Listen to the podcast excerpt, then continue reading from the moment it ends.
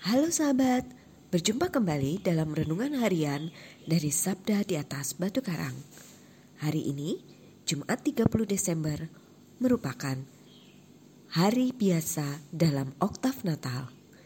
Gereja memperingati Santo Sabianus, seorang uskup dan martir, serta pesta keluarga kudus Nazaret, Yesus, Maria, dan Yusuf.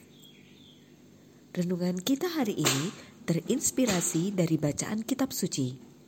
Bacaan pertama dari kitab Putra Sirak bab 3 ayat 2 sampai dengan 6 dilanjutkan dengan ayat 12 sampai dengan 14. Bacaan kedua dari surat Rasul Paulus kepada jemaat di Kolose bab 3 ayat 12 sampai dengan 21 dan bacaan Injil suci dari Injil Matius bab 2 ayat 13 sampai dengan 15 dilanjutkan dengan ayat 19 sampai dengan 23.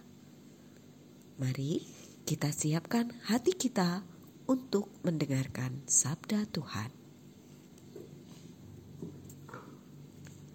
Setelah orang-orang Majus yang mengunjungi bayi Yesus di Bethlehem pulang, tampaklah malaikat Tuhan kepada Yusuf dalam mimpi. Malaikat itu berkata, "Bangunlah, ambillah anak itu serta ibunya, larilah ke Mesir, dan tinggallah di sana sampai aku berfirman kepadamu, karena Herodes akan mencari anak itu untuk membunuh dia." Yusuf pun bangun. Diambilnya anak itu serta ibunya malam itu juga, lalu menyingkir ke Mesir dan tinggal di sana sampai Herodes mati. Hal itu terjadi supaya digenapi yang difirmankan Tuhan melalui nabi. Dari Mesir, aku panggil anakku. Setelah Herodes mati, tampaklah malaikat Tuhan kepada Yusuf di Mesir dalam mimpi. Kata malaikat itu, Bangunlah, ambillah anak itu serta ibunya, dan berangkatlah ke tanah Israel, karena mereka yang hendak membunuh anak itu sudah mati. Lalu Yusuf pun bangun, diambilnya anak itu serta ibunya, dan pergi ke tanah Israel. Tetapi setelah mendengar bahwa Arkelus sebagai raja di Yudea menggantikan Herodes.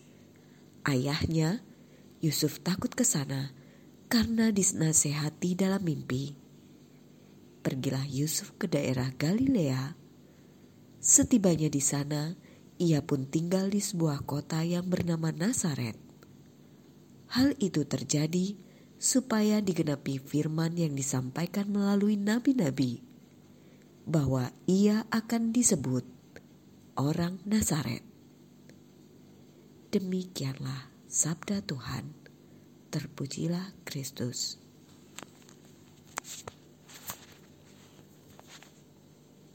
Saudara-saudari yang terkasih, setiap kita punya cara tersendiri untuk menjamin keselamatan diri atau anggota keluarganya. Misalnya, dengan memiliki pekerjaan atau penghasilan, investasi, atau asuransi, dan sebagainya. Namun, sebagai orang beriman, tentu kita mengandalkan Tuhan sebagai penjaga keselamatan jiwa kita. Adakah kita peka akan penyertaan Tuhan dalam setiap peristiwa yang membahayakan hidup kita? Bacaan Injil pada hari ini mengisahkan tentang perintah malaikat Tuhan yang diberikan kepada Yusuf menyangkut keselamatan jiwa Yesus yang masih bayi. Yusuf tidak tahu akan adanya bahaya apa yang mengancam Yesus itu. Ia pun tidak tahu bagaimana cara menghindarinya.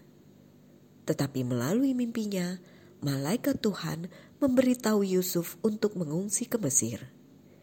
Itulah cara yang diberikan malaikat Tuhan bagi Yusuf untuk menyelamatkan Yesus sang bayi dan Maria, istrinya. Saudara-saudari yang terkasih, hari ini kita merayakan pesta keluarga kudus Nazaret, kita diajak untuk bisa meniru teladan hidup mereka, peka, mengerti, dan mampu mewujudkan kehendak Allah dalam perbuatan nyata dengan penuh iman. Seperti kepada Yusuf dan keluarganya, sabda Tuhan hari ini menunjukkan kepada kita bahwa Tuhan punya cara unik, khas, dan misterius untuk menuntun dan melindungi kita umatnya. Semoga kita selalu terbuka akan bimbingan roh kudus sehingga kita peka akan penyertaan Allah dalam setiap kehidupan kita. Ya keluarga kudus Nazaret, doakanlah kami. Amin.